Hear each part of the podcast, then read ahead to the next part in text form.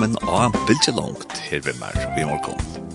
Og i morgen blir tema i jævl, og vi får høre antakter, og vi får høre prat. Så ja, vi er bare velkommen ved meg her av Bildtjelandet.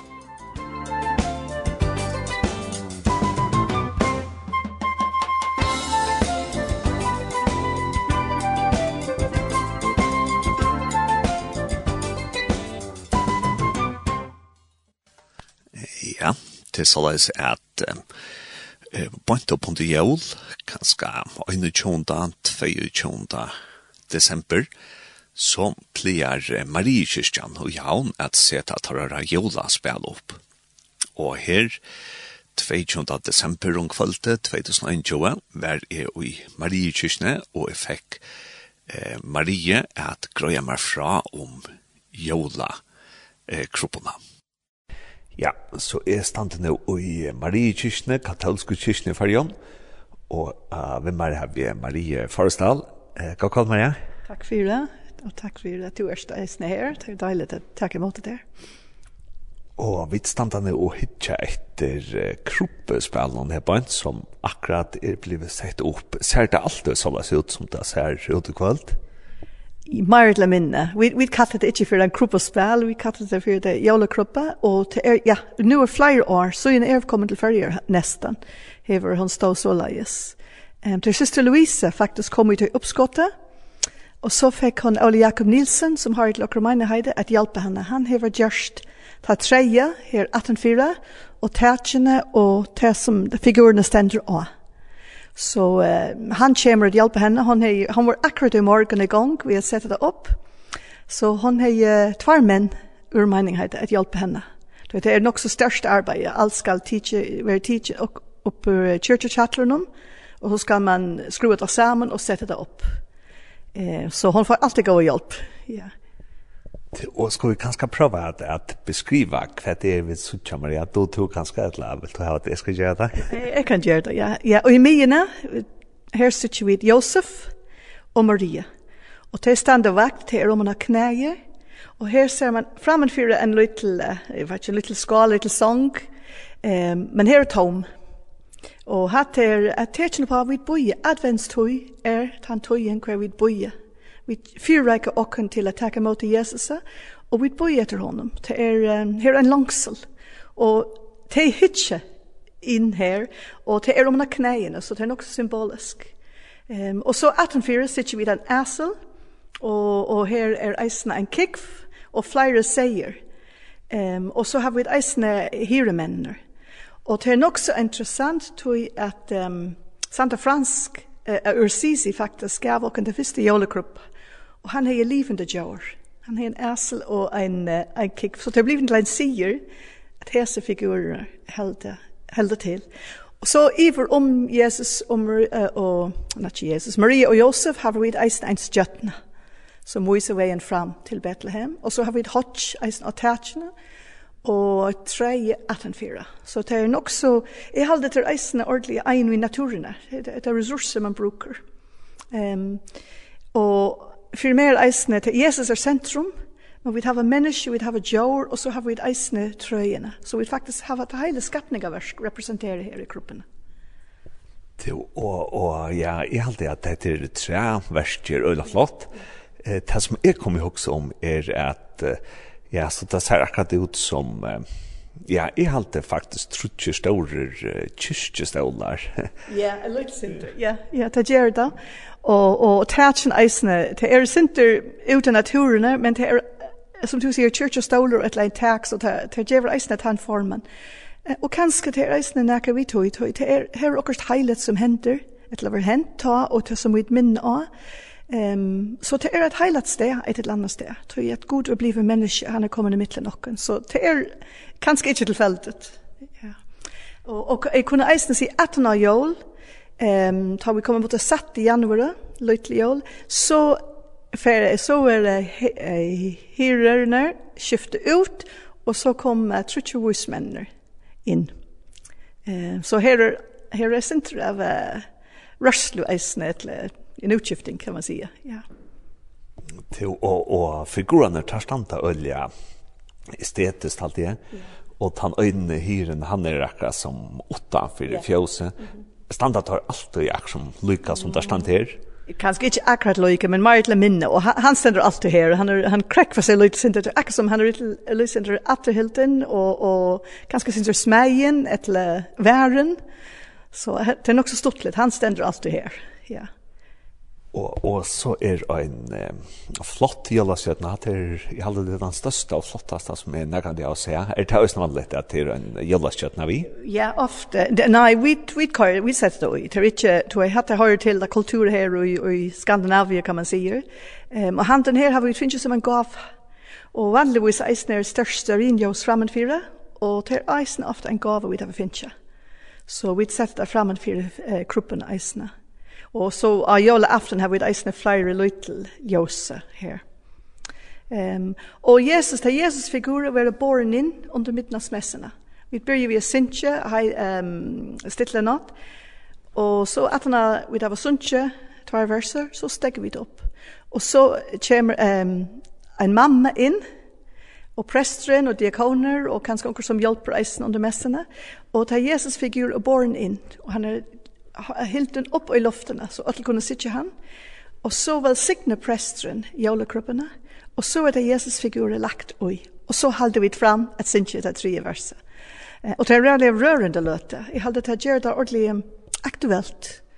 Og for mer hadde, det er sentrum i jolen. Jeg minnes som batten eisne i Ørlanda, Eh, hver er vaksen upp till halt helt vanligt in i en kyrka och sitte i en jævlig Och det er ordentlig spennende for inn og sitte i imenske grupper, och så tås vi om det var pen, minne pen, och en tas som batten, man får in och man leiter etter Jesus figur, och så får man om man knä, och ser man man litt Ehm Um, och jeg hade tar, tar, tar hjelper virkelig att hålla och och fokus, och okre mig. Och jævlig, kvart är det vi har hatt att hålla. Um, og eisne i okra heim, kvann einasta heim nesten hei man eisne en liten jolekruppe, som fikk eisne ein sentral plass i heimen om. Um, så her man hei atre en anmenning, alltid, om jo, hva er, hva er det vi har til i helder, hva, hva er sentra i jolen om. Så jeg hadde den ordentlige vekker sier, og til ordentlige spennende, jeg hadde nekve føringer her nå tids det til så inn, Eh, nu kan man köpa jolekrupper i handeln, men förut det var ordentligt ringt uh, att, att få färd ut tajmen. Så folk har ofta bia systerna.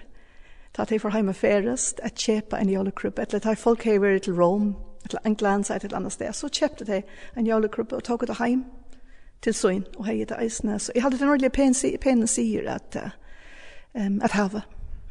Er det noen folk som har vært en jævla kropp i heima som øyne boja vi at ledja Jesus inn til jævlaftan? Ja, ta Everbatten, vi har ofte bare sett figurene ui, men det er eisne folk som boja, ja. Og jeg hadde faktisk til mer symboliska av boja.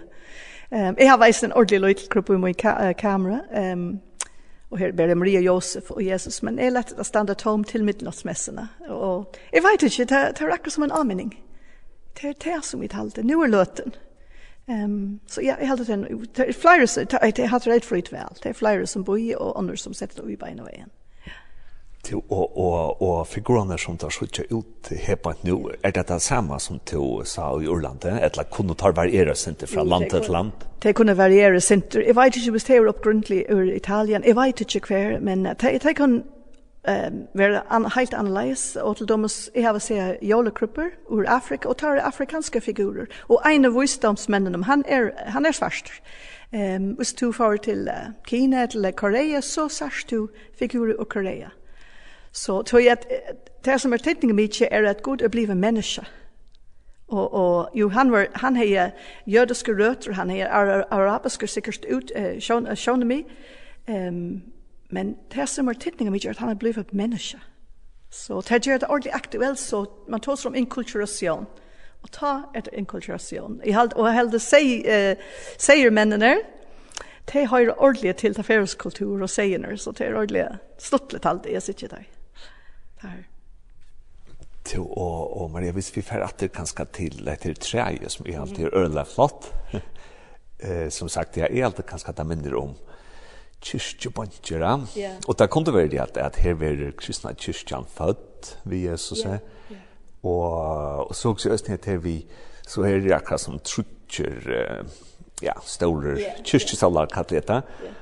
Og tan øyne som er åtta til venstre, han hettler øyne ved, yeah. og hine bare tar hettler hine ved. Yeah. Og det gjør så alltid at akkurat som at det kommer jævs inn fra himmelen av gjør, kanskje også en symbol. Ja, ja det symbol. kunne man sagt, ja. Og jeg husker bare nu, men to tåser faktisk, jeg husker, her er trutcher, eh poiler eller stolar kvar man kallar det för är också man tar kunde som symbol på att tror jag är god Och och här är en tack men här är trutcher solar som helt det hela upp. Så det kunde som en ordentlig stor symbol oppa, ja, som vi sier, det, er, det tror jeg er gode. Men hatt måste jo ta oss vi alle Jakob om, han er kommet vidt høy oppskottet, Og vi er så vel sikne at hava han her i okra meineheide, tog at han hever just nekv, eisne hette her um, um, utskarving av Jomfru Maria og Kyrkjebør, det hever han eisne just, okra tabernakle hurna, hver vi gai med alt brei, det hever han eisne just, så vi er uh, vel sikne at hava han faktisk, men uh, hvis du vil vite meir om hva det ligger at vire, så måste du ta oss vi han. Jo, og så hugsi om uh, jølatrøyene som standa atta for Jeg er som tve jølatrøyene. Er det også vanligt å gjøre noe om? Det er imisk. Vi kvars man bitje ein, kanskje ein, man brukar steiner, eller man gjør ser det ser ut som steiner. Vi kvars man bitje et ordelig hus, og så hever man kanskje bare nakker planter. Så hadde, hadde, her kan man bare bruke sin ekne fantasi og kreativitet. Hadde det rettelig frukt, hvordan man vil bitje det. Men det mest, en, tidningen mye er at det er reallig enkelt, Tøy at ta viser okken eisen av hvordan er mjuk. Gud gjør det seg sjolven, tar han bløyver menneske. Hvordan han tomde seg sjolven. Han, eh, han, et eller annet sted, han, han, han heier så i makt øyse, men han gav det eisen fra seg. Eh, og han, han valgte at kom inn i fortakedømmer Han valgte at gjøre seg veik, han valgte at gjøre seg til lytl. Så hadde det mest tittninga mykje, Um, og eisne at man gjør det så det er aktuelt for ein og kvenn, og ikke mye hver man er i verden. Så hatt det gjør en rævlig uh, nekv uh, møvleikar for å bruke fantasi og kreativitet. Det må jeg lukke for ivrig her. Her er uh, Her er ein træstuppe vi har noen barska. Yeah. Er, er hatt han ekka vi, vi designen Kjøla Jakob? Eller er hatt han ekka som skifter? Jeg hadde også, han stender ofte her, men hadde hever Louise lagt oi her. Men jeg hadde til, det kommer etter det samme. det er naturene, det er, ja, som er parst av det hele. Og kanskje også som bolt at Jesus er stammanna, yeah. og at vi yeah. kanskje er grøyner. Ja, yeah, det kunne man også sagt, ja. ja. Her er ikke avmarskringer for det faktisk, for at man hva man kan sitte her. Og til tog det er så rævlig godt, vi elsker at akkurat kyrkja han er alltid åpen fra klokken 8 om morgen til klokken nu om vet en tjej om kvelda. Um, så man kan alltid komme inn og hitje etter kroppene, bare sitte i fri og navn, og bare lette tankene komme. Bare lette, um, man sier, hesten her store minn som uh, Trond og Patterson har gjort, at jeg lette kroppen uh, tåse til okken, tåse inn i okra hjertet, Jeg lette god bruker hese tingene, som ambo til at nå åkken. Og så det er, det her er alltid møvleker. At, og som du sier nu, du hitje her, og du ser nære ting, og jeg ser ikke andre ting. Og hvis man sitter her i kvirre, så kan man bare virkelig meditere og, og lette det komme djupere inn i åkken. Jeg ble vi, Maria. Så er det stjøttene, yeah. som er alltid over et helt særlig um, sni. Så det er, ja, det er en stjøttene ved seks um, kanton. Yeah Og så er så ikke alt for nok som at det er en sol inni og ja, som stralar ut. Neste, ja. Mm -hmm, mm -hmm. Er hatt det spesielt sni, eller er det bare akkurat som så løs man ser ut? Nei, hatt er en som i halde, i halde Louise har kjøpt han den her ene før. Men ta, nei, det kan være, her atter kan man bruke sånn ekne kreativitet. Og hatt er en som hon fann og kjøpt og helt ordentlig flott. Eller vi har finnes ikke som en gave, nå tår jeg ikke sige. Nei men det är er, den här stjärnan är ordentligt vacker. Det är hon. Um, men här åter är Ralnek frihet. Um, til dem vi kvørst eisene, hvis it fer til en större bojur til dem i Dublin til London til særlig Italia. her kan du se krupper som er rävliga stor og fullt av all møvlet figur. Jeg var i, um, hva heter det, Sacré-Cœur i Paris, bant et tvær måneder i åren alt var nye brent, og her hadde det en løytel, en kruppe, en heile større modelle, her var en heile bygd opp i, og folk var der ved til kruppene, og her var alt møvelig daglige aktiviteter opp i, um, så det er, og det er nemlig at kom etter her til, at Gud ble menneske, han kommer inn i okre løyve, han kommer inn i okre hjerte, hvis vi lover honom. Han er parst av okre daglige løyve. Ehm och och tror att det har kanske gjort det har en neck under folk och boy vi crushed folk som man känner. Ehm så här är inte avmarskingar men här är det minimalt att man har Marie och Jesus og Jesus vatna, og, og e, seier mennene, og, og kongene, da de kommer, eller vismennene. Um, men så kvart folk gjør vi tog i attene, hvis de vil bruke fantasi, eller bitch og stanna opp, takk kunne de. Maria, og, og da vi begynner, så sier du at, at um, til uh, jólakroppen, hun var byrja av, hva var det byrja av? Santa Franska Sisi.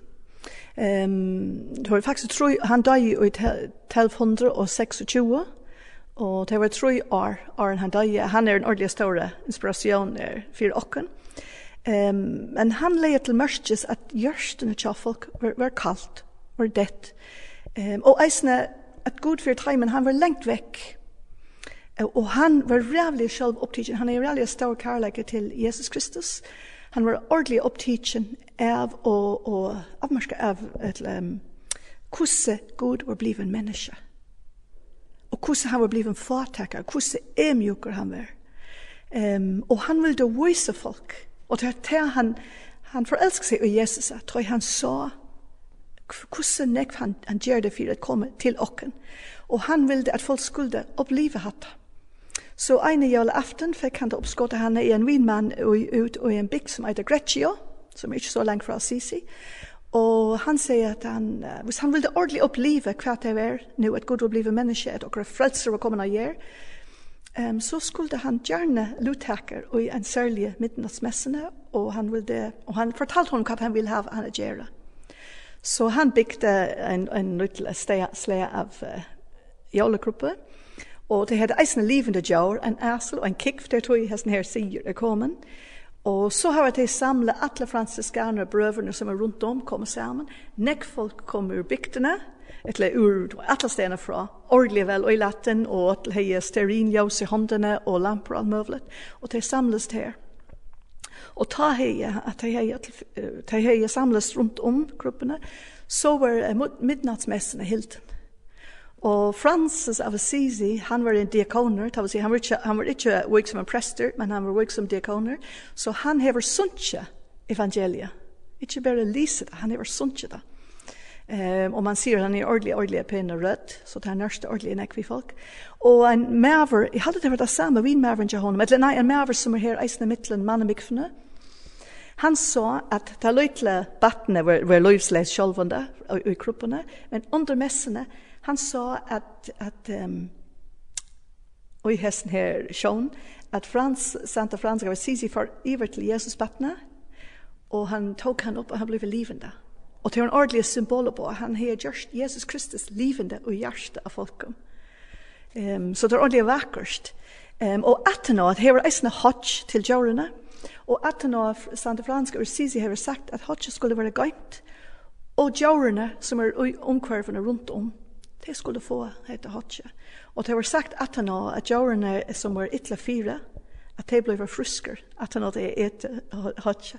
Og her, men her sitter vi at det her um, universalitet, at det var ikke bare, det er ikke bare jeg om, om Jesus. Man hører ofte, vi er, er stu frelst, det heter min personlige frelsere. Men akkurat trygg for ikke bare om jeg og Jesus. Han skal opp etter, men han skal leise ut etter. Og her han er sentrum og jólekruppene, men han hever alle figurene rundt om seg, han hever alle folkene som var til steg rundt om seg, han hever livende djår, han hever naturene, um, og ta sitt vidt, så nå blir det eisne djår um, grøtt av at eta hatchet, at god hever um, gjørst eit under vi tjekknem hva det er hent her. Uh, så jeg hadde det ordentlig vakkert. Og nå i det stender en kyrkje her, hver da jólekruppen var bygd. Um, Og Frans av Assisi, han er i eisen etter her ordentlige fattelse av at Gud, ja, han Gud var blivet menneske, han var kommet inn i morliv av Maria, han var kommet og gjør i midten okken, men han kommer til okken hver eneste fer eisen vi tar imot av alt og breie. Hver eneste fer messen er hilten. Så det er en ordentlig, um, her er en kontinuitet. Um, og han ser det samme um, Gud som, som Djever ser, som Thomas ser, som, ble, eh, som er mye ser, ta han var crossfester. Så her er en kontinuitet atle inn i Jacknum. Ehm så det er ordentlig vakkert til det er og så at han hadde blivit blivit til en stor sier atle stenar verden, særlig in i den katolske kyrkan men jeg hadde under bruket ice til kan ska ha ehm jole, jole um, liker eller det kan ska ha ehm och stannar men det är lika väl inspirerande halt det är ehm och vi hade ice att ta god blev menneske, han gjør det Atle kunne komme til hans rød. Ongen er bensje for et løy til batten, og så til Atle. Nei, ongen er bensje faktisk, og så til jeg gjørst okkurst for tre mot battene. Og Santa Therese av Avila, hatt er en stor kvinne, og jeg har server og hun sier at bare en god som er fullt av nøye og miskunnsammer, kunne gjøre seg så løytl. Og jeg elsker dette her setninger. Jeg, for meg, jeg, jeg, jeg, alt. Um, Og jeg halte til at ånden skal være bensjen for det.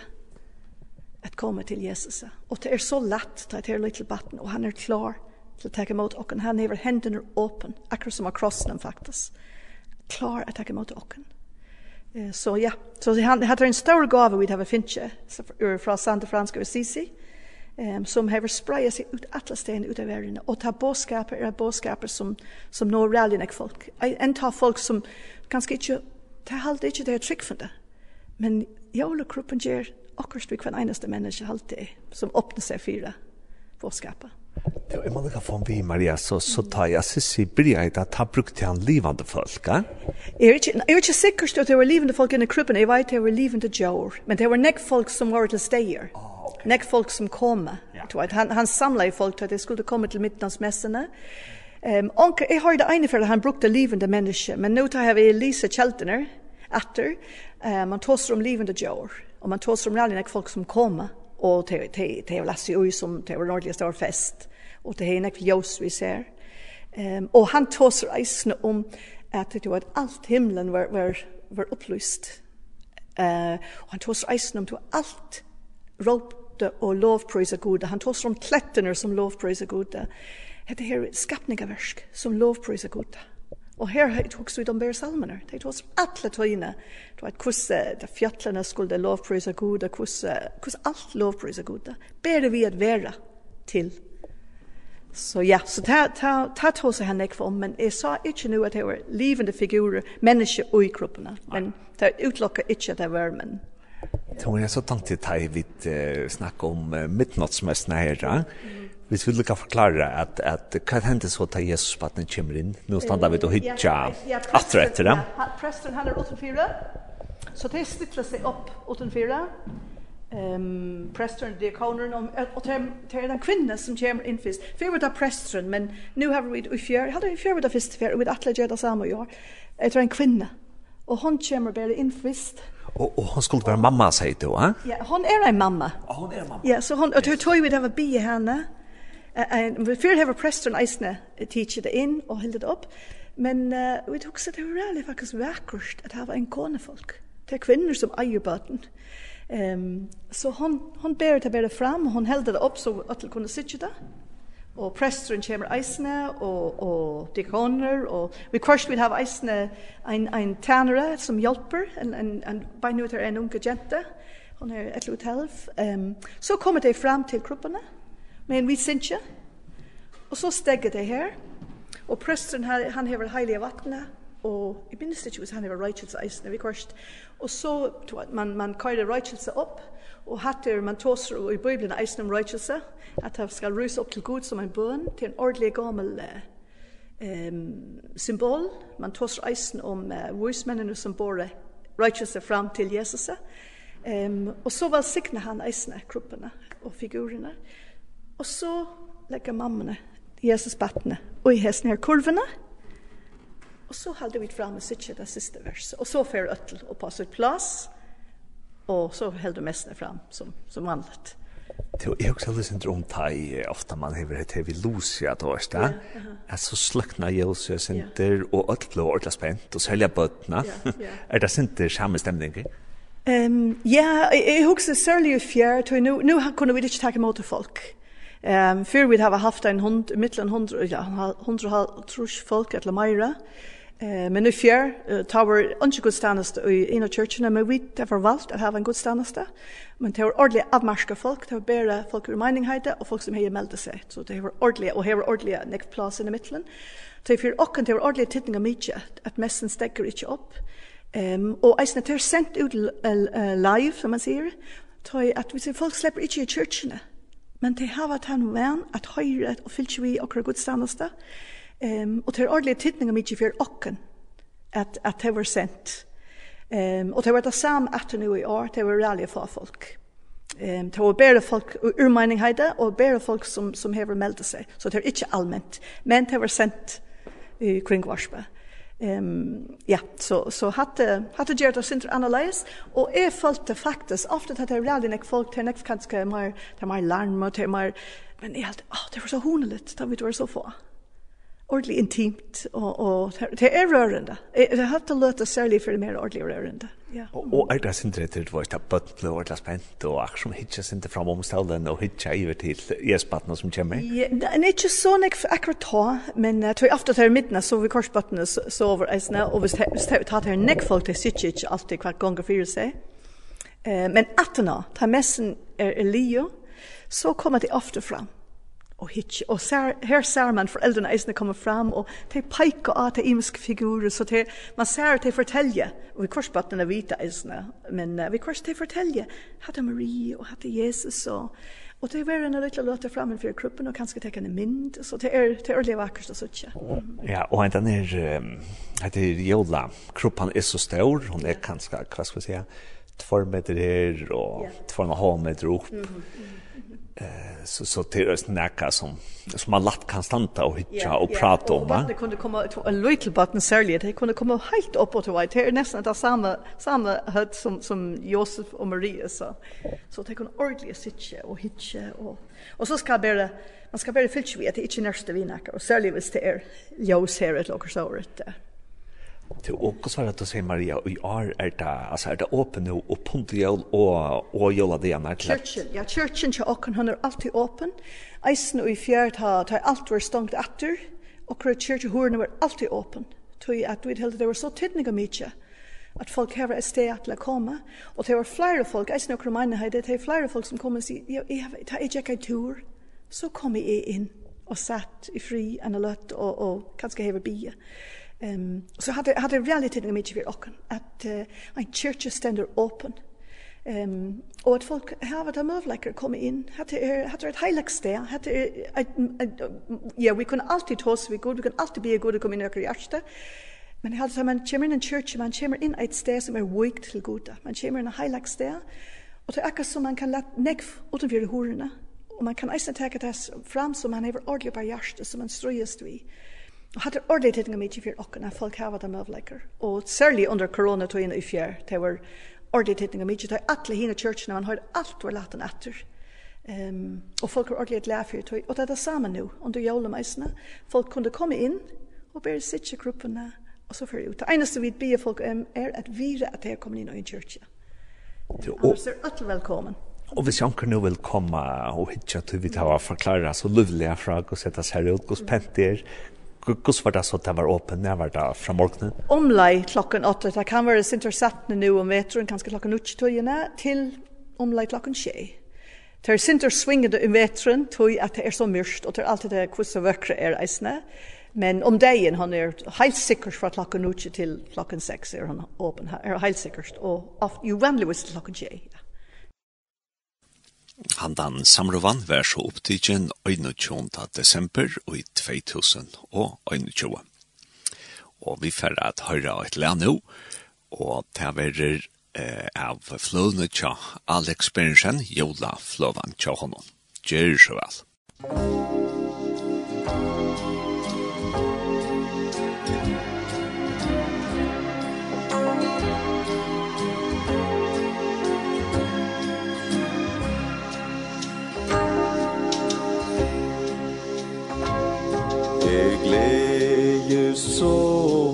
Først jóla kvöld Du Jesus föttest han Ta lustu stjörnan som ein sol Lær sungo englar ta Og lutla baden i Bethlehem Der vær ein kong Som kom av høv og hymna borg og hysa mig är far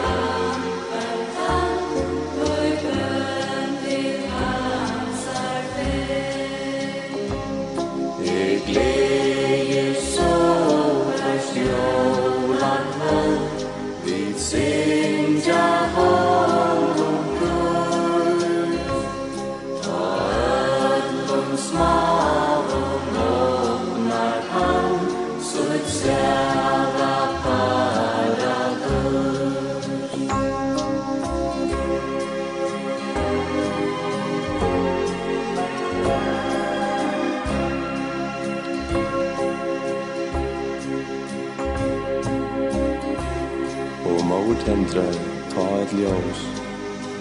Dei skuinu i kvann krog Då ut om heimen sier hon Er lysa stjøtnan på Hon sier stjøtnan lyser enn Og aldri sløkna kan Og om hun lyste mera ved Ta hen til gudse fam Hon sier Er ditt engla ljó Ta ljó er enn i det om fri och glädje hela jord og om Guds hjärsta lær.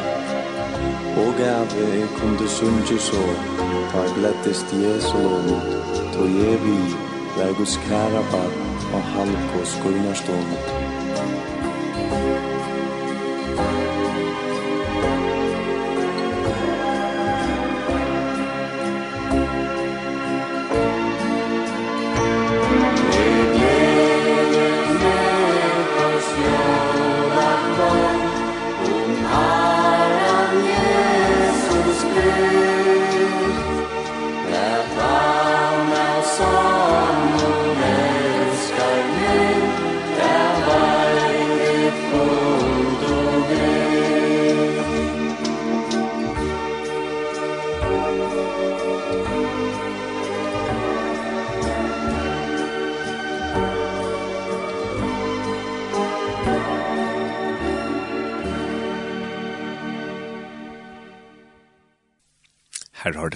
Experience vi er glede så kvart jólakvöld. Og vi får nå at høyre en antakt vi Solve Rasmussen. Hei, jeg heter Solve Rasmussen, og her er jeg at vi løtene dråpen. Og i det hoksa jeg vi skulle få tåsa sin om Mario. Det var å tåsa nek om stjøtnena, kroppena, hirar og alt det som høyre jævlen og til, som er, som er jævle evangeliet som det ble byrja i men i det hugsa vi skva tosa lutsendur om Marie og sjálva. Det første vi kunne på en måte si at det er at Maria, hon er en særdøyles, en, en særa viktig person og i ødlenes ned, men hvis vi hugsa om disse jentene, da hun vaks opp, hon var en stor jenta, så kunne vi hugsa om hos hun, og kanskje venn her var snakk om det her at det er for å la vaksne her, så får det å få kjeik, og så får det giftast, giftas, det for å få bøten, så er det til å gå snakk bøten, det for å få alt dette vanlige som jenter tås om. Og så er det så spennende å vite hvordan man fremtiden får å være, hva man er for å oppleve, da jeg blir en vaksen jenta, til en vaksen kvinne. Og så knapplig en det, så, blå, så brøytes alt det lønne til Marie, og det stender at midt i ødlån så stender en øngel for henne. Og til i seg selv, sier seg selv at hun ble bensjen. Hver jeg får vi lese om øngler på så sier øngelen øttast ikke. Det sier han også her. Det stender til Lukas 8, at øngelen kom inn til henne og sier, «Høyl, to er jeg, Herren er vittar signa erstu mittlen kvinner. Rassla fall og hena av åren hansara, og hon hoksaði om hva dette måtte jeg var tøya. Ta sier ønskelig vi hana, øttast ikkje Maria, du to er funnet nøye tja gode. Nå skal to være vi baden og øye en sån, han skal to kalla fyrir Jesus. Vi kunne bare uimynda okkur hos Maria hefur falta akkurat dessa løtna. Ja, men skal jeg få baden og ikkje vi Josef som er er trolova vi?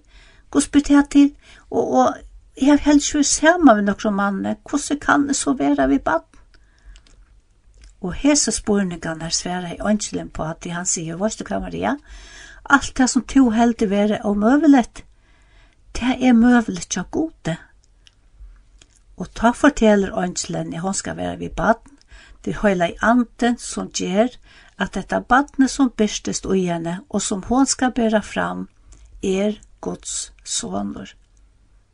Vi vet ikke ordentlig hvordan lenge tøyta tøyta Maria og gautak alt det der, men og i kvosset så er, så leser vi det at hun sier at jeg er det tjeneste kvinne Guds.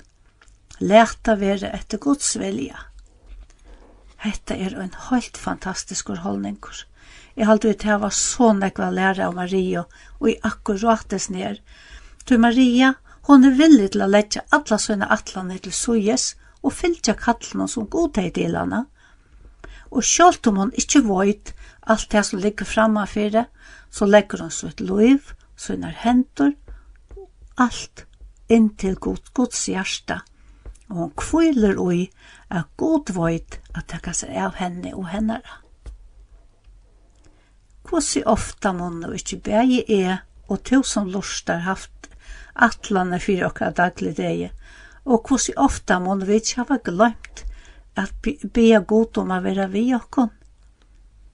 Men lett okkon ongan til gløyma at god kan nekv møyr enn vid kunne uimet okkon Vit kunne sjálvandi uimynd okkum hverja tankar Maria gjørdes av hendande egin, og hverja tankar vit hava ta i okkara atlanar vera brøytar. Men oitt er det kvossus ser som Maria gjørde og det som vit kunne gjera, er det at vi kunne bia til god, bia styrst okkon, hjelpa okkon og djeva okkon trygg a genga fram, oits så vi sutja vi Maria og herbein. Høyla i god og fægir, jeg takk deg for jólene. Takk deg for jólevangeliet, jeg takk deg for Maria, som er den ståra og i akkurat i hæsson ut det herre. Hon som var villig til å letja sutt lov til sujes og vera tjernast og kvinna og bæra fram sonen som to hei lova. Herre, vi takka der. Vi takka der fyrir Jesus Kristus som var fødder av jævlån okkara frelsare.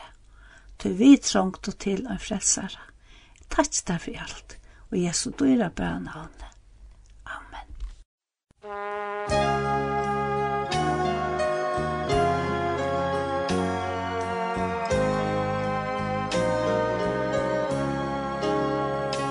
Nu bistas tusen jólaljós og i hese myrs hon Og tusen annor glad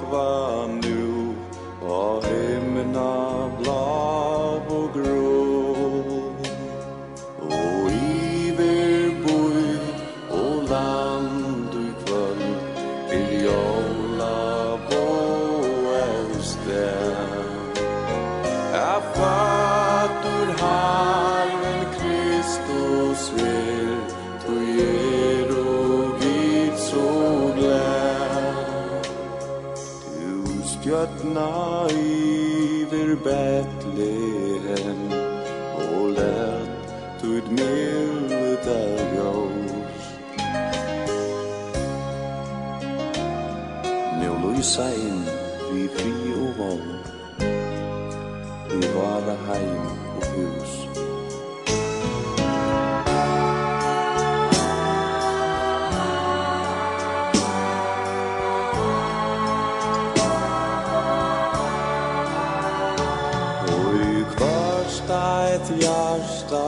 tot o mer Tuin glæma Låse blå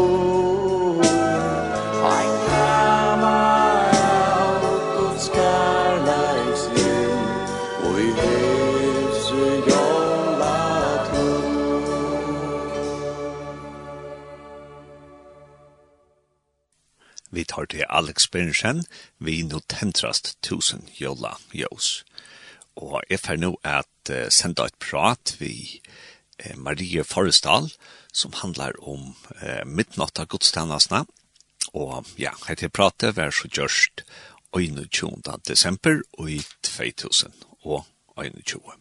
Vi er nå ferdig om han og i chatlæren her i Marie Kyrkene og her er ikke sånn ekko ekko som det var inne i det store kyrkjerommet og det som vi får snakke om nå til er midnattarmessan og, og er hon akkurat av midnatt?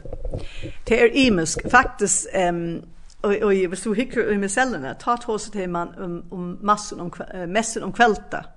Men det er blivit en sier at det var hilden av, av, mid, av midnatt, men det er imusk til dømes nu, hvis du fyrir til Ørlands, det holder ofte midnattsmessene, eller messene, og klokken nutt om kvelta.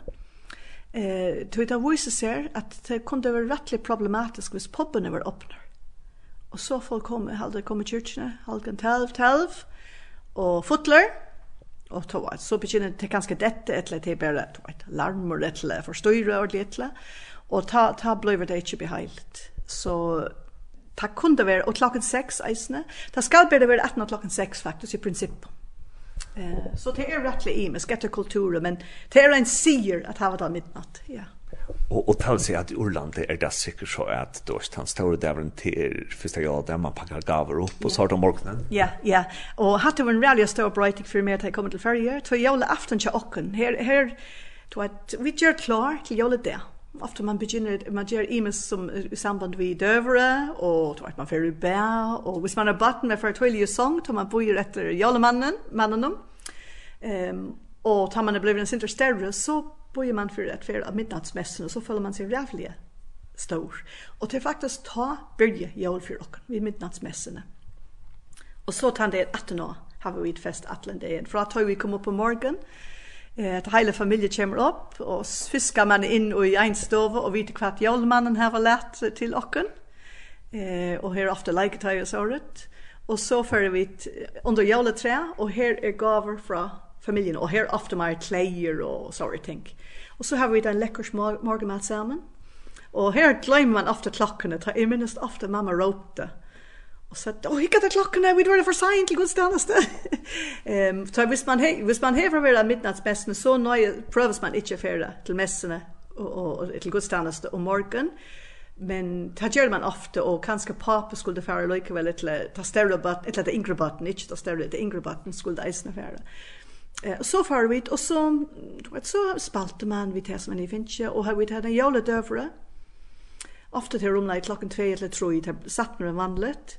Eh och så täcker man bor upp ordentligt flott och pent och så har vi test som man då som som hör till dörfra och i England och Irland kalkun och och så ehm eh bacon kusaider ham hade hit starkt grösa kött ja Ehm och så imisk eh grundsatser att vad allt det här ja och man har isen isen ofta en entré ett lockor släckt.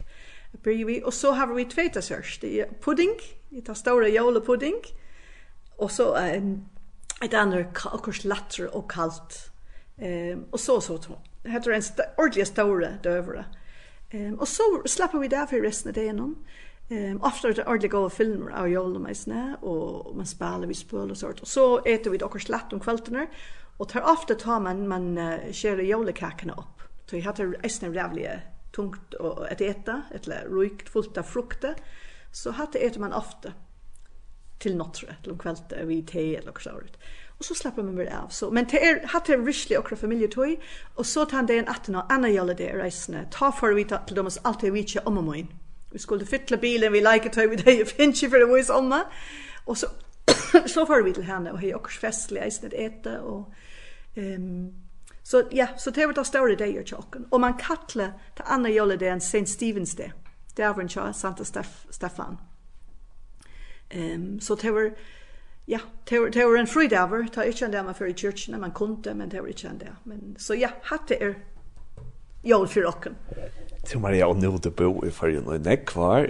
Eh men helt att teach näck out til någon orske bantam själv om vitla för det är den där som tog som tog gest i för ju som tog ösen gjorde ta. Ehm nei men den här ting är sakna. Eh vi hade eisen en sier och Ejek ordentligt högt upp ut i som vatten at man sätter ett livende ljus och ein vinter ja. Og hatte var ein tetjen, det var ordentlig symbolisk eisne, men ta gjer det jo livende. Hatte var en symbol for å vise Maria og Josef, her er plass for tikkun, og i okra heim. Horen er åpen, og til eisne for å vise veien til Bethlehem. Og hvis du så var ute i bygden, så sast du det her ljøs i hver eneste huset.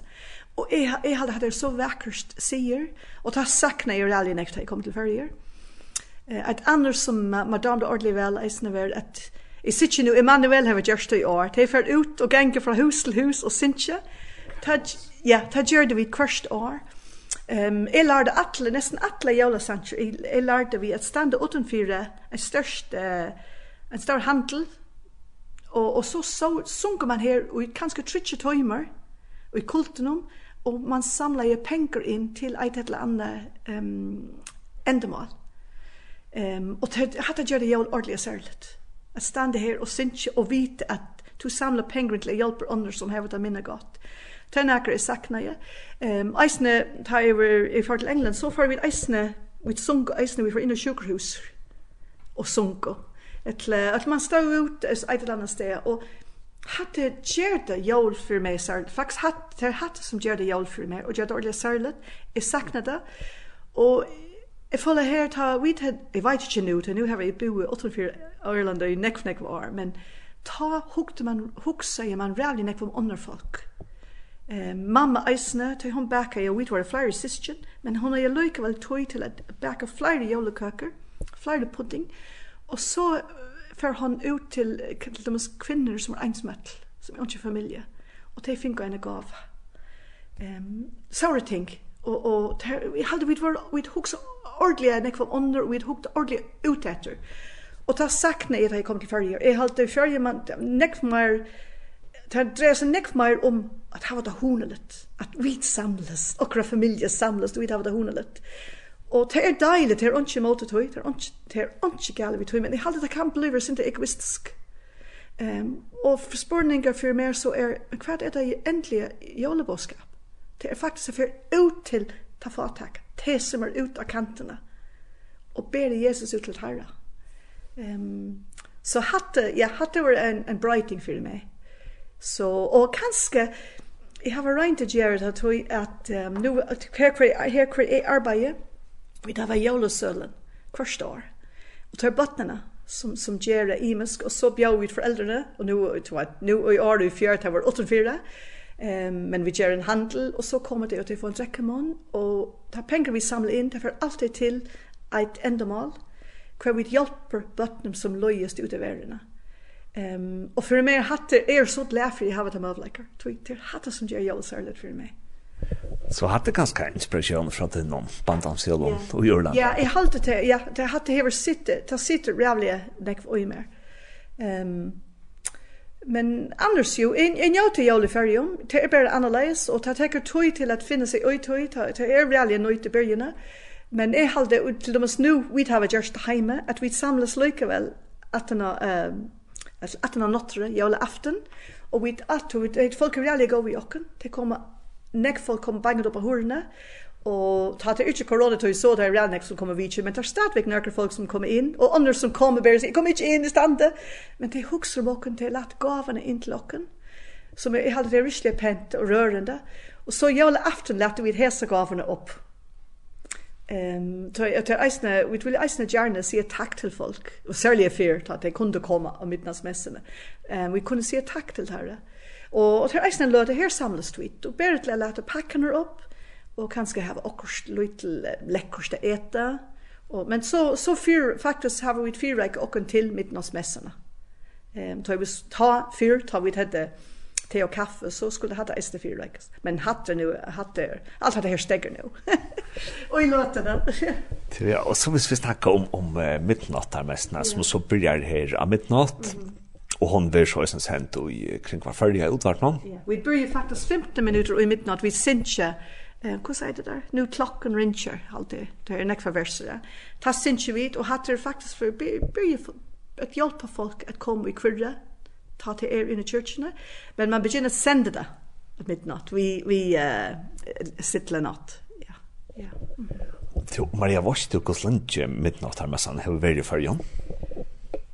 Det har alltid vært. Så, så, så långt som katolske kyrkene har vært, så har man haft midnattsmessene. midnattsmässorna. Eisne i kyrkjevör, det har sikkert eisen vært midnattsmessene. Så det er det samme liturgi, Godt nok ta, til å latinskum. Um, men det er det samme liturgi faktisk. Så, og messen er så sentralt centralt utav katolske kyrkan. Eh, og och ett skick om at det er Gud som kommer til oss i alt det brevet. Att det er så, att det er så sentralt og så grundläggande At, og hatt det her var gjennom 2000 år. Ehm som, ja, eh eh kan gjense ut fra at så, så ta katolikker her var i så har man haft midnattsmess. Til, og, og faktisk nå tar du si det til vi at tentra jævus yeah. og i ja. Yeah. I. Minns papmoen, han, han var født, hva var det, 35? han fortalte alltid at uh, for det tørre familie til han var baden var det øyla viktig at han var jævus og i vindegjene. Okay. Så da vi får um, i kyrkje Klagsvøk, så skulle det alltid være tentra, du vet. Eh, jola, jolsnu, hver med vinter, ja, og og det skulle være jøs og hver jom vinter, ja, som venter ute mot eh, Ja. Ja, nemlig, ja, ja. Og jeg hadde det vært det vakkert sier, Og, og jeg halte, for meg, jeg tror at mamma slipper ikke et leime da, så jeg, jeg, jeg stod som en uh, vaktkvinner, hun kunne ikke leime da. Et andre sier reisende som, jeg var det eldste, og eh jol aften kom jol jol mafren. Ehm och så har vi alltid haft att se vis han vis man hej en skorsten i huset så så man han kom ner efter här men det hade vi det inte så så lät man backhornet stanna öppen. Och så sätter man ut ett glas av whisky, ett en whisky litet glas av öl, ett litet dropp av whisky kanske i läsa. och så ett stitch av jolekaka och så en gulrot till Rudolf. Och allt hade här skulle stanna på borden och då här slapp mamma helt ut att lima då. Ehm och så hade vi klart till julemannen och så får vi så långt som man tror på julemannen så får man tydlig i sång. Ehm så hade vi eisna ordliga skäck och så man kom upp julemorgon där första man gör det var att vita hur han är här hur han drutcha hur han äta kväll går åt Och så visst man, han kommer så får man in. Så det är ordligt vackert. Och här kan det komma eisne till en annan sier, till att vi tar uppvaksen eisne till katolska kyrkje, vi har hört om Santa Niklas. För for ocken vi tås ikke om jolemannen, vi tås om Santa Claus. Og hvis du deilet opp til er Santa Niklas. Um, og hatt er näker är deil hverst år är deil serven om Santa Niklas vi vattnarna. Och är es just spiller sjøen, like they fortell you server så gjør det ordentligt living that way då det får en heile søver. Ehm um, och för mer till ordentligt tekniska mycket ta jeg halde. jeg halde at han konsept om jolemannen kan være rettelig farlig för vattnarna nu har man ta stora ateister, ta att de vill bråta nya trygg, för det sammenber Jesus vid jolemannen. Så jolemannen är inte till, Jesus är inte till, men det er ikke logikk i tog, men det brukar det. Men jag huxar ta vid som vaxen, ta sig vid vattnet av en jolemannen.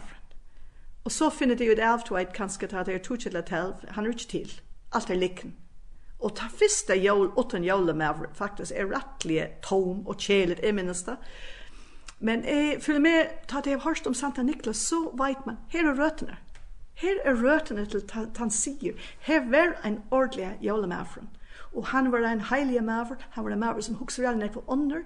han hjälpte till dem en fatekka, eh, och till han vid ära och hatt har blivet nu till en sier.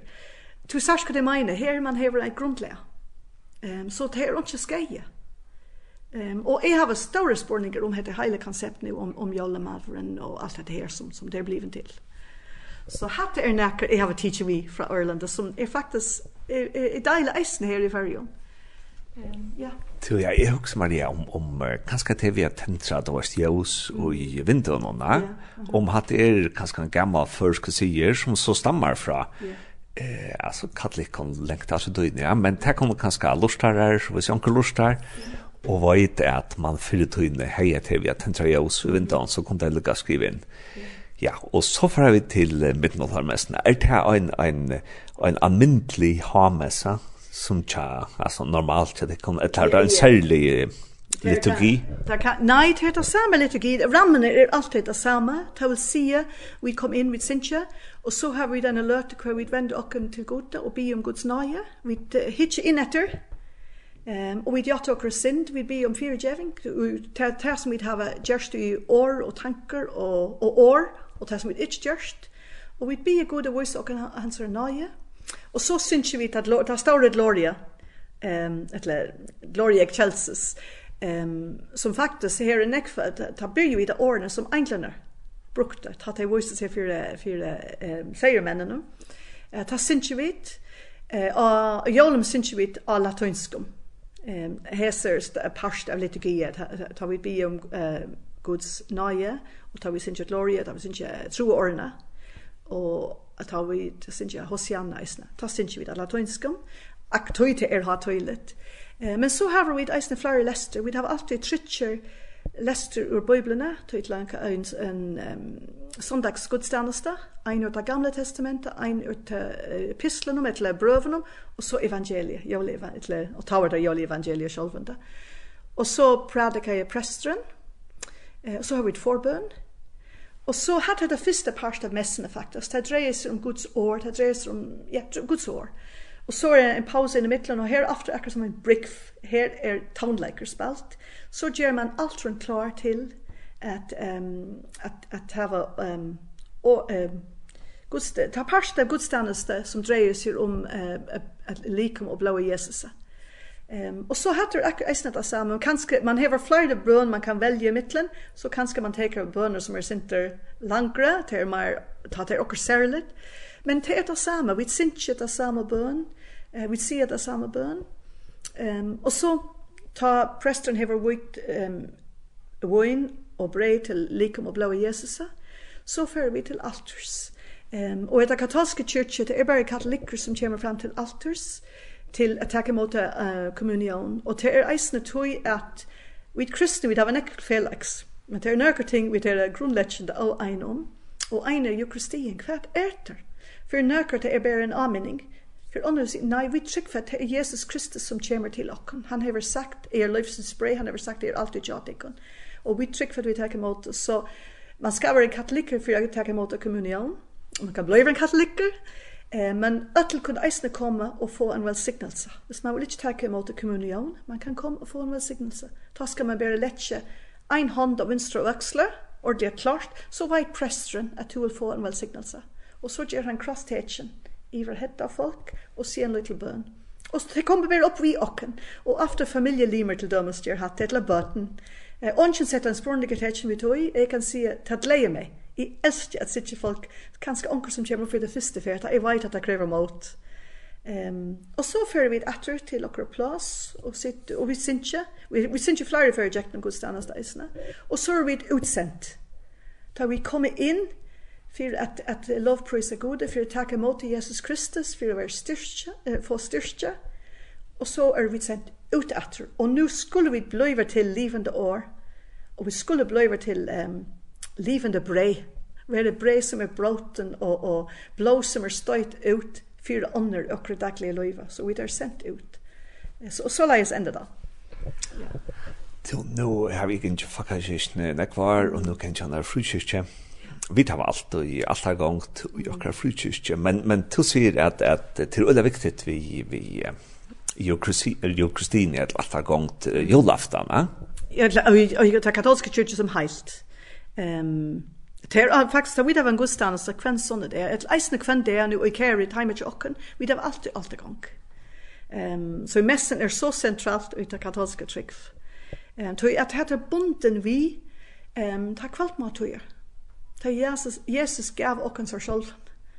Um, det er faktisk bunden vi hva det hentet av Golgata.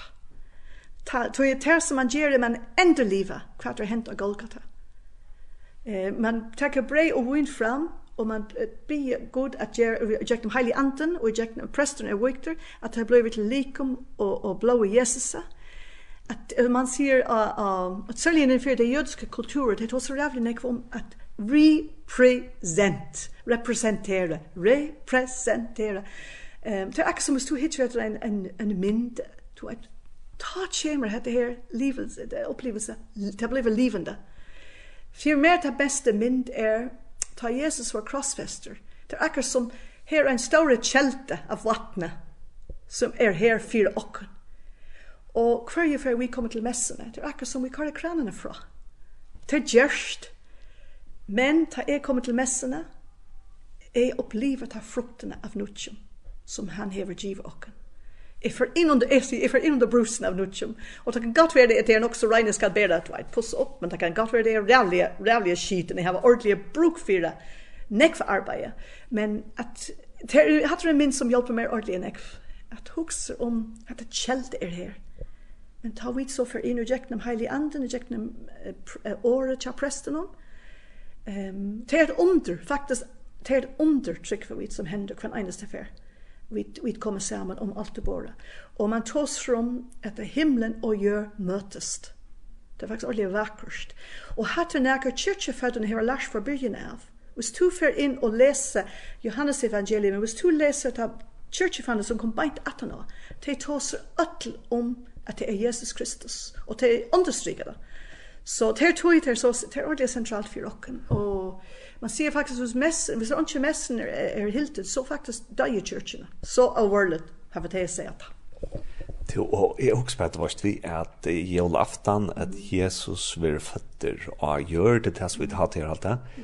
Og så er det til at, at god kommer til åkken og gjør noen breie og vinn, ja. Og, og altså, det, det er på en måte et nok så tydelig link i jølaftan, er det ikke det? Ja, det er det, det er ordentlig klart. Og man tar om inkarnation, into at or engelska man tar om incarnational spirituality. at att Gud, att, han ta God skapte hjärnan, han sa alt var gott, allt är välsignat. Så han brukar det som han har gjort for att nå inn til dere. Ja. Og det, er, det blir ordentlig tydligt. Jag lafta. Ja. Ja. Jo, men ja, og så har vi det en trekkamon ofte her nere, ja, ikke noe om det korona. Nei, men vanligvis, ja. Vanligvis, ja. ja. Og ta, vet, ta er det bare, det er bare kjalltøkker på, ta, ta vi det har haft det. Eh, folk bare samles til under og få seg en bit i hånden eller kaffemån, og, og prate og helse på hverandre. Hatt det, og det er nek, hatt det nek, det er større til faktisk nå i hese korona, Men för mig tror jag kan jag säga. att Det är mer nek mer avslappande nu. Att det är, vi har inte allt det här. Ta man kan ordentligt fokusera upp på att det är midnattsmässorna. Och, och man har inte en annan ting man huxar om. Och, um, så kanske det, det, det kan jag sätta och fokus annorlunda. Ja. Men hit är det väldigt hundligt. Och vi var en ena affär. Uh, vi kunde, vi kunde göra det efter, men inte nu, vi kunde se. Nej, inte nu. Mm til å Maria, så det som er hoksen jeg kom til, å snakke om midtnåttarmessa, ja, det er midtnåttarmessa i Rom, mm. som er ikke etter hver jøl alltid. eh, og, og hva er det tøtt forhold til midtnåttarmessa i Rom? Ehm um, jag tar näck folk i färjum som lust ett tog det har vi inte vita. Jag måste se själv jag har jag hitche inte ofta. Ehm um, tar ofta upptigen akkurat ta och vi kvarst i lime men vi är är inte kanske 5 minuter här och 20 minuter här. Men vi kom etter til akkurat det samme messene. Godt nok her er nek for meg ha toilet og her er kanskje flere kardinaler til de kommer sammen. Um, og vi sitter på paven som, som et etterfiltre av, av Peter. Vi sitter kardinaler som det etterfiltre av, av um, apostlene.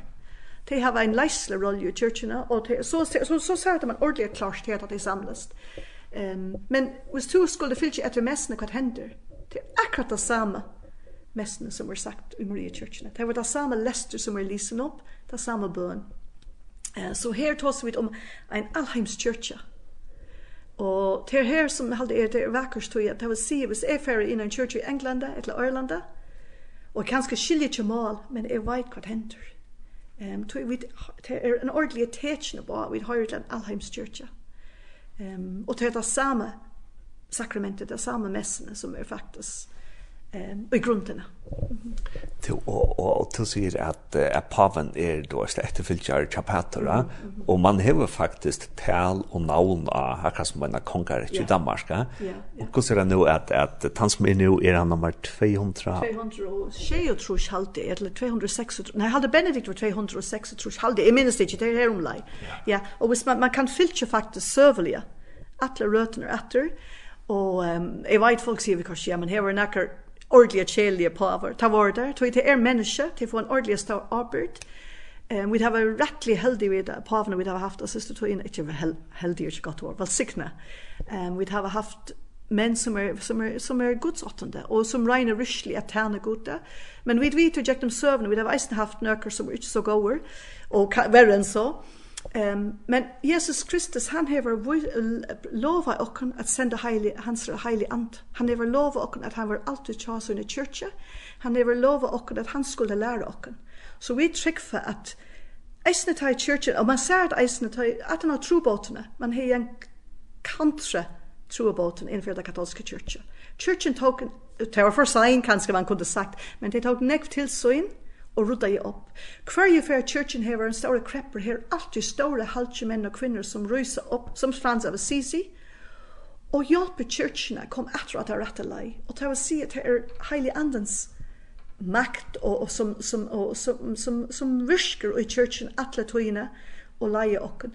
Og jeg minnes ene fer en prester sier at det er ordentlig å ha vers kvenn eneste fer en paven være vi at fer heilt ut av lei. Det er territoritet, det er sammen vi trygg og moral. Det er ikke du vet det vanlig vi ser skal skal jeg trykk for det her skal jeg be nu eller det er tatt store spårninger om trykk og og og moral og det sier query affair en pava vi affair ut om grensene. han var antan stekka av folk runt om han eller han sier ene för han dör og det er nok så avhørst. men jeg sier, ja, men hvis, hvis, hvis Jesus Kristus heldur sitt år og han verger ju sin church så det ikke faktisk unormalt. Uh, Så ja, søvelig kunne vi se, vi, vi kunne uh, fylla och rötter helt etter. Um, og vi trykker for at det är heilig anden som atle tøyne rensa seg i kyrkja. Og vi, kyrkjen er som en størst menneske. Gud er alltid til steder i sin kyrkja, og hon er, hon er fullkommen at han mat, at hon er like med Jesus av gjerne, men hon er eisne et sted hver vi er bare sintere, og halvtje menn og halvtje kvinner. Og vi tar alle tøyna Så mennesker eisne bruk for det være rents atle tøyne. Folk tåser om at er frelst. Jeg sier jeg er trygg for vi er faktisk øtel frelst, men spårninger er tætje imot frelsene. Og vil jeg, vil, jeg, vil jeg bare si, jo, jeg trygg for hva Jesus, og så er det her. Eller vil jeg leve, så at Jesus blir mer og mer livende og mer. Så jeg kan velge at jo, jeg trygg for, men så let han bare sitte her i hårene. Jeg legger seg, jeg trygg for, og jeg vil at han virkelig kommer inn i mitt hjerte og livet og tjekkene mer. Og det er en måned Ehm och så må vi alla tvina hitch in etter og reins okken be a good reins okken. Hatte min burn kun einaste der faktisk. At Gud skulle gjeve meg et reint hjerte og fytle meg vi heilige andans makt. Så at ek kan ryslige livet så at han lever og i mer. Och det er det eneste bøn jeg har for meg selv hver eneste dag, at jeg skulle vende om. ja. Til Maria, og som sagt, jeg har hukt nekne kvar etter mitt nattarmest i Rom, og jeg har selv vært her i Rom, og og se Patricia. Ja. Eh men men i allt det ösna tattarpunkt för mig till er pratikan tja Pavanon. Mm. Till för det första att han sig en koncentrera om det som hände i Betlehem. Mm. -hmm. Men också när det kan ösna också ikke på en løs evne som er uh, aktuelt i høyne, men han kan akkurat si noen ting og imot til det samtidig vid livet, ja. Og er det ikke så løs at du kan skal, uh, først jeg gjør det, jag som hygger efter vad han sier, eller läser hva han sier. Ja, det gjør det. Ofte jeg leser, det är fyllt her en ordentlig god heimasöj som heter Vatican News. Um, og her fyllt jag ofta, och det ofte uh, vi kvørst man kan finna det heile, eller vi kvørst to at det er det store boskap. Så det gjør jeg, jeg leser, og vi kvørst det hitje, Um, og, og som du sier, ja, for jeg halde eisne at, at, at evangeliet skal bli aktuelt i okre løyva. Og han setter ofte eisne store spurningartetjen ut til, til samfellet. Han sender eisne nekve oppgjøringer ut til samfellet. Særlig nu er døven at han måte vi takke imot at han må få takke. Ta måte vi bruker okra makt, ta måte vi bruker okra rujtjedøma, til vi som er rujker. Um, ta måte eisne vi takker imot folk som er annerledes enn vit. Og ta setter han, og for okken her en ordentlig anmenning eisne av jævlom. Ta vi stu hukser om Jesus. Han hei ångest i affæret da han kommer til Bethlehem. Men han skulle eisne flutje, flutje til Egyptelandet. Han faktisk bløyver ein flotte folk. Og vi halte kristne gleime hatt ofta. Og her kommer paven, kommer kyrkjen, atle tøyne atter til dette her åne faktisk. Um, og ja, og ta blei det ordentlig aktuelt. Ta to tås om jól, og to tås om hvordan teker du imot til en brøver og syster som er annerledes. Er tøyne hår åpen? Eh, ta blivit det ett boskap till och en idé. Ja, Maria, jag är färdig att tacka dig för det. Og en at det er en gledelig jøl, og som sagt, folk kunne lorsta av midnatt eh, i utvartmån, og så kan man nesten sitte at det er om. Så, så, gle ja, så gledelig jøl, Maria. Ja, takk for det, og lykke med det. Det var deilig å sitte der.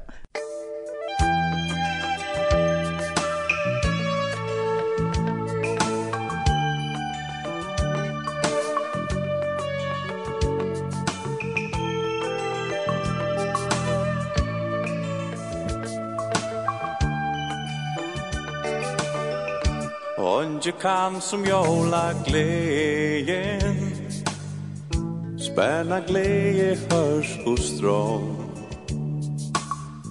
Jola tojen djevor Færa da sinja gleje sång Stedle stormur säkarai Om vi færa jola lai Vid din shalloya Jesu ord. Og himle sida vi hans bor Lele jo Kongur konga fötture Angla songur Bojene vi Gleje bo matla vi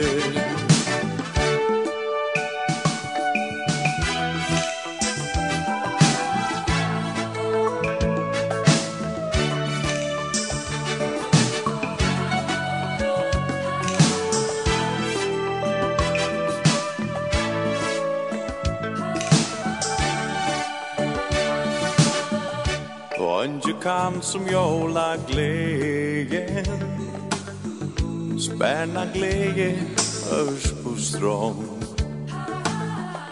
Jola tojen djevor meie Färödla sin glädje sång Glädje le jag Kongur kongar fatture Ein glas ongur på jene ve Glem på matla ve Glele jo Kongur kongar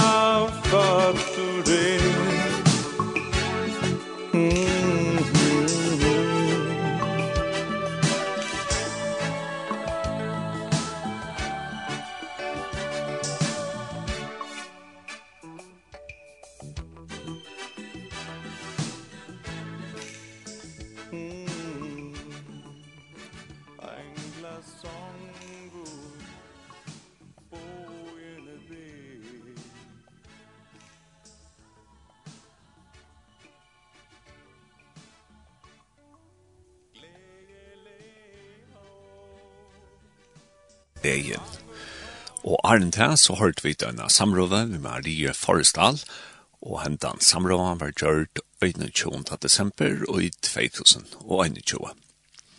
Og nå får vi så atre at høre et lev i Alex Berensen av Jolaf Lund Johnon, og sankren vi får at høre nå, han heter to Lytle Stavur Bethlehem, og at han har det, så får vi få en antakt fra Sølve Rasmussen.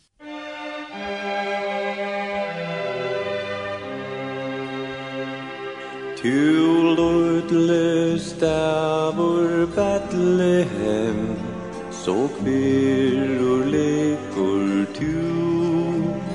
Hat iver dreima leisa svönd Tum stjörn og fjölsas nu Om stræde tuine løyser Ta væven leigans ljós O manna vogn O åtte finna saman vit ut fjós.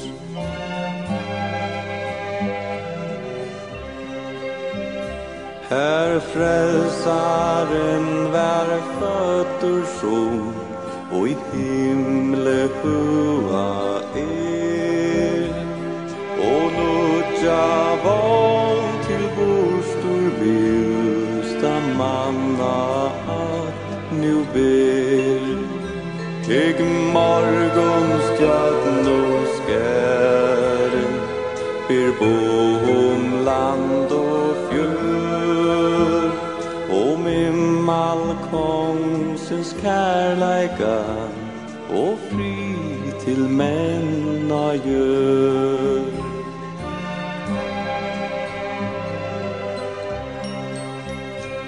O stidlus lia, stidlus lia Gavar buitas du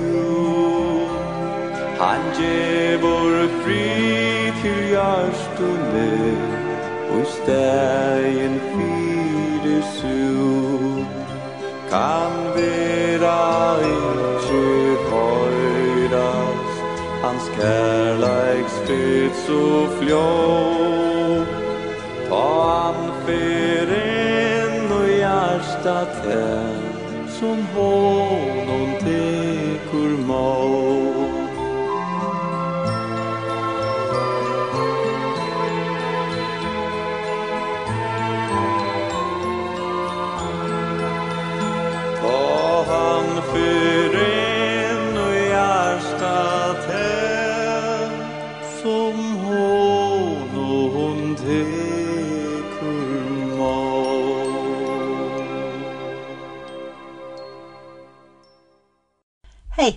Ødesalva Rasmussen, og her er i at vi lötne dråpen.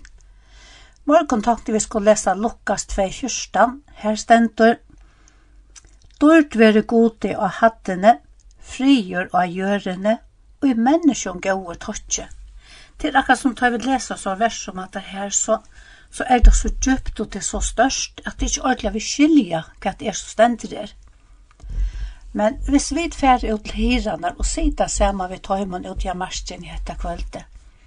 Jeg hugser meg at vi er og negv som kom til toktokna vi til stier og se hetta fantastiska som hendte i hessa løtene. Du, det som hender er til dette kommer og en himmelskur herskare, og han synker av glede for gode. Og hva han synker, tar synker om, Jo, tar syndja om det herlige som Jesus kommer at frelsa okkon til. Øyna for lengsjane så sette god nakra enklar at ansa etter venon endle paradis.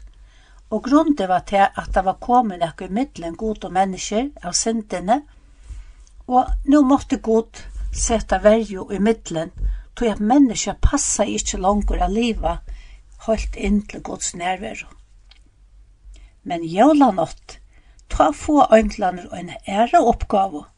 Nå synes jeg tar om at attor er kommet frigjør i mittlen god og menneske. At attor nå så kan god hitje av okkon og hava glede i okkon. Og det er alt og på grunn av at Jesus ble født og ville gjerast okkara frelsare. Tog det var det han kom, at, det som han kom til, til det som vi mangla, til det som vi sakna.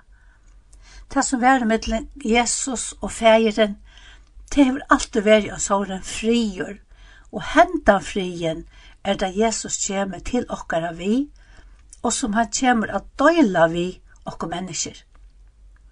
Det kan godt være vi talte til at det er øyla fatakslitt og i fjøsten og netta kvöldet da Jesus var født Og særlig hvis vi tok som at det er him himmelsens kongasåner som er føtter, så halte vi kanskje at ja, men her manglar okkurst av de himmelska inni og i fjøsene.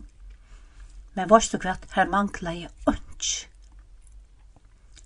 Tog at sjølt om her var et lydig fjøs, så kom Jesus allikevel for at døyla vi okkom til aller besta som han tåg vissar fra himmelen nere av. Jesus kom, då han ville døyla hetta vi okkon. Og ta i vid så takk med at Jesus er han for lov å komme inn i okkar her hjärsta, så får vi hentan frien. Det er hetta som vi lesa om, at det stod dørte være gode og hattene, frigjør av gjørene og i menneskjøn gode tåtje. Alt hetta gode flyter Jesus inn i okkara hjärsta, og ta vi koma kjennan. Og øynaste måte jeg koma bløyva og et godsbatni, det er at Jesus kjem inn i okkara hjarta. Og ta Jesus er kom inn i okkara hjarta, ta, ta er det såleis at han gleden som fyller Guds hjarta, han, ta han så hykker av sånne kjassar, så er det det som omfevner okkon, og som god elskar at døyla vi okko. Okkar himmelske fære, prøys jo tattsta for det ene, det er tattsta fyrir det er som øynklane sunk om ut av Betlehems marsk. At det skulle komme frigjøre gjøre, frigjøre fra ter, og tjøkno Jesus til okkara. Jesus sier, fri moin djev i etikkon, ikkje som heimeren djevor. Jeg tatt ikke derfor henda frien i det. Her jeg byr om, at at tøyn friur skal kvila evi jólahøgtøyne, at du skal signa kvann øynstakan ta by om, i Jesu navn. Amen.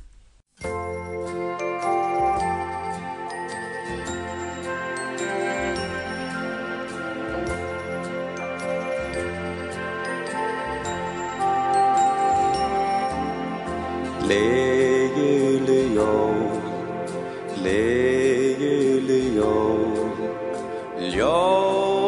lär av himne ne anglaler har besindare åttas dig nu Glädje båskapen har ut tro Jesus er fötter i den Jesus er fötter i den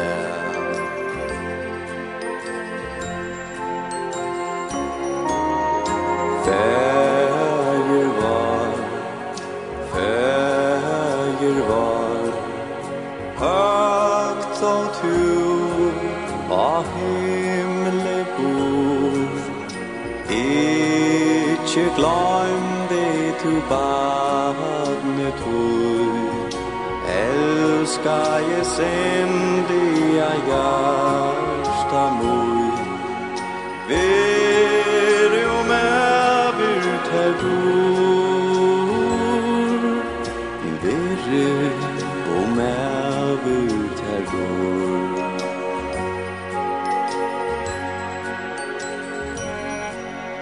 Frelsar mor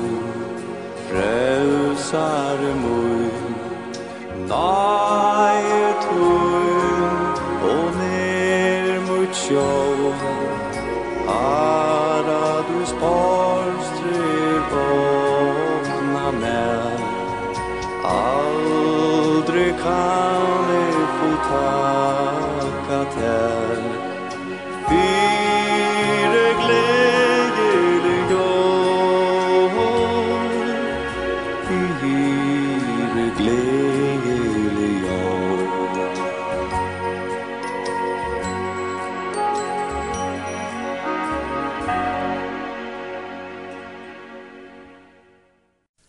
hørte vi så Alex Bernsen, vi gleder jævl.